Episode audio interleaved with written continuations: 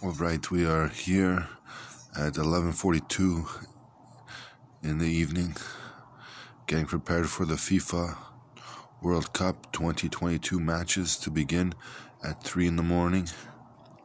3 hours away and 15 minutes to go to the matches.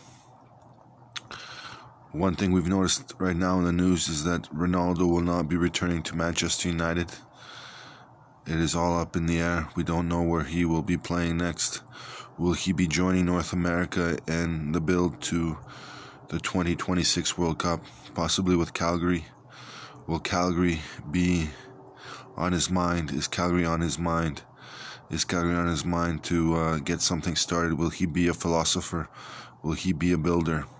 Or will he be another person to take a contract from another team in the world today, whether it's continuing playing at European Championship football or joining the MLS in some shape or form.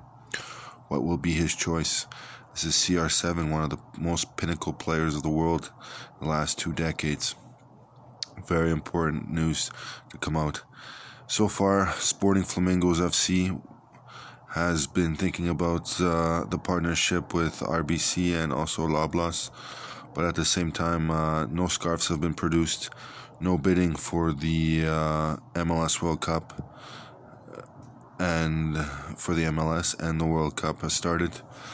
Tell you the truth, uh, there's only one man really who's sta- stating the claim here, stating that uh, it could be possibly done, but we don't know if that's going to happen. There's so many hopeful people out in the world today. Maybe some others will join join the parade. As for uh, the Sporting Flamingos FC, it seems to be a childhood dream just to start a club. But will it produce into uh, a club? Yet to see. But uh, what can else can we say here? We have the uh, World Cup taking stage day five. So many people talking about building a stadium here in Calgary whether it's for hockey, whether it's for soccer, whether it's for football. What will happen, we'll see.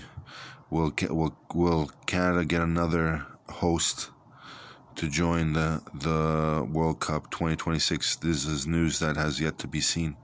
Has yet to be seen. Will Canada get another host nation to host the World Cup if there are 48 teams in the World Cup in 2026?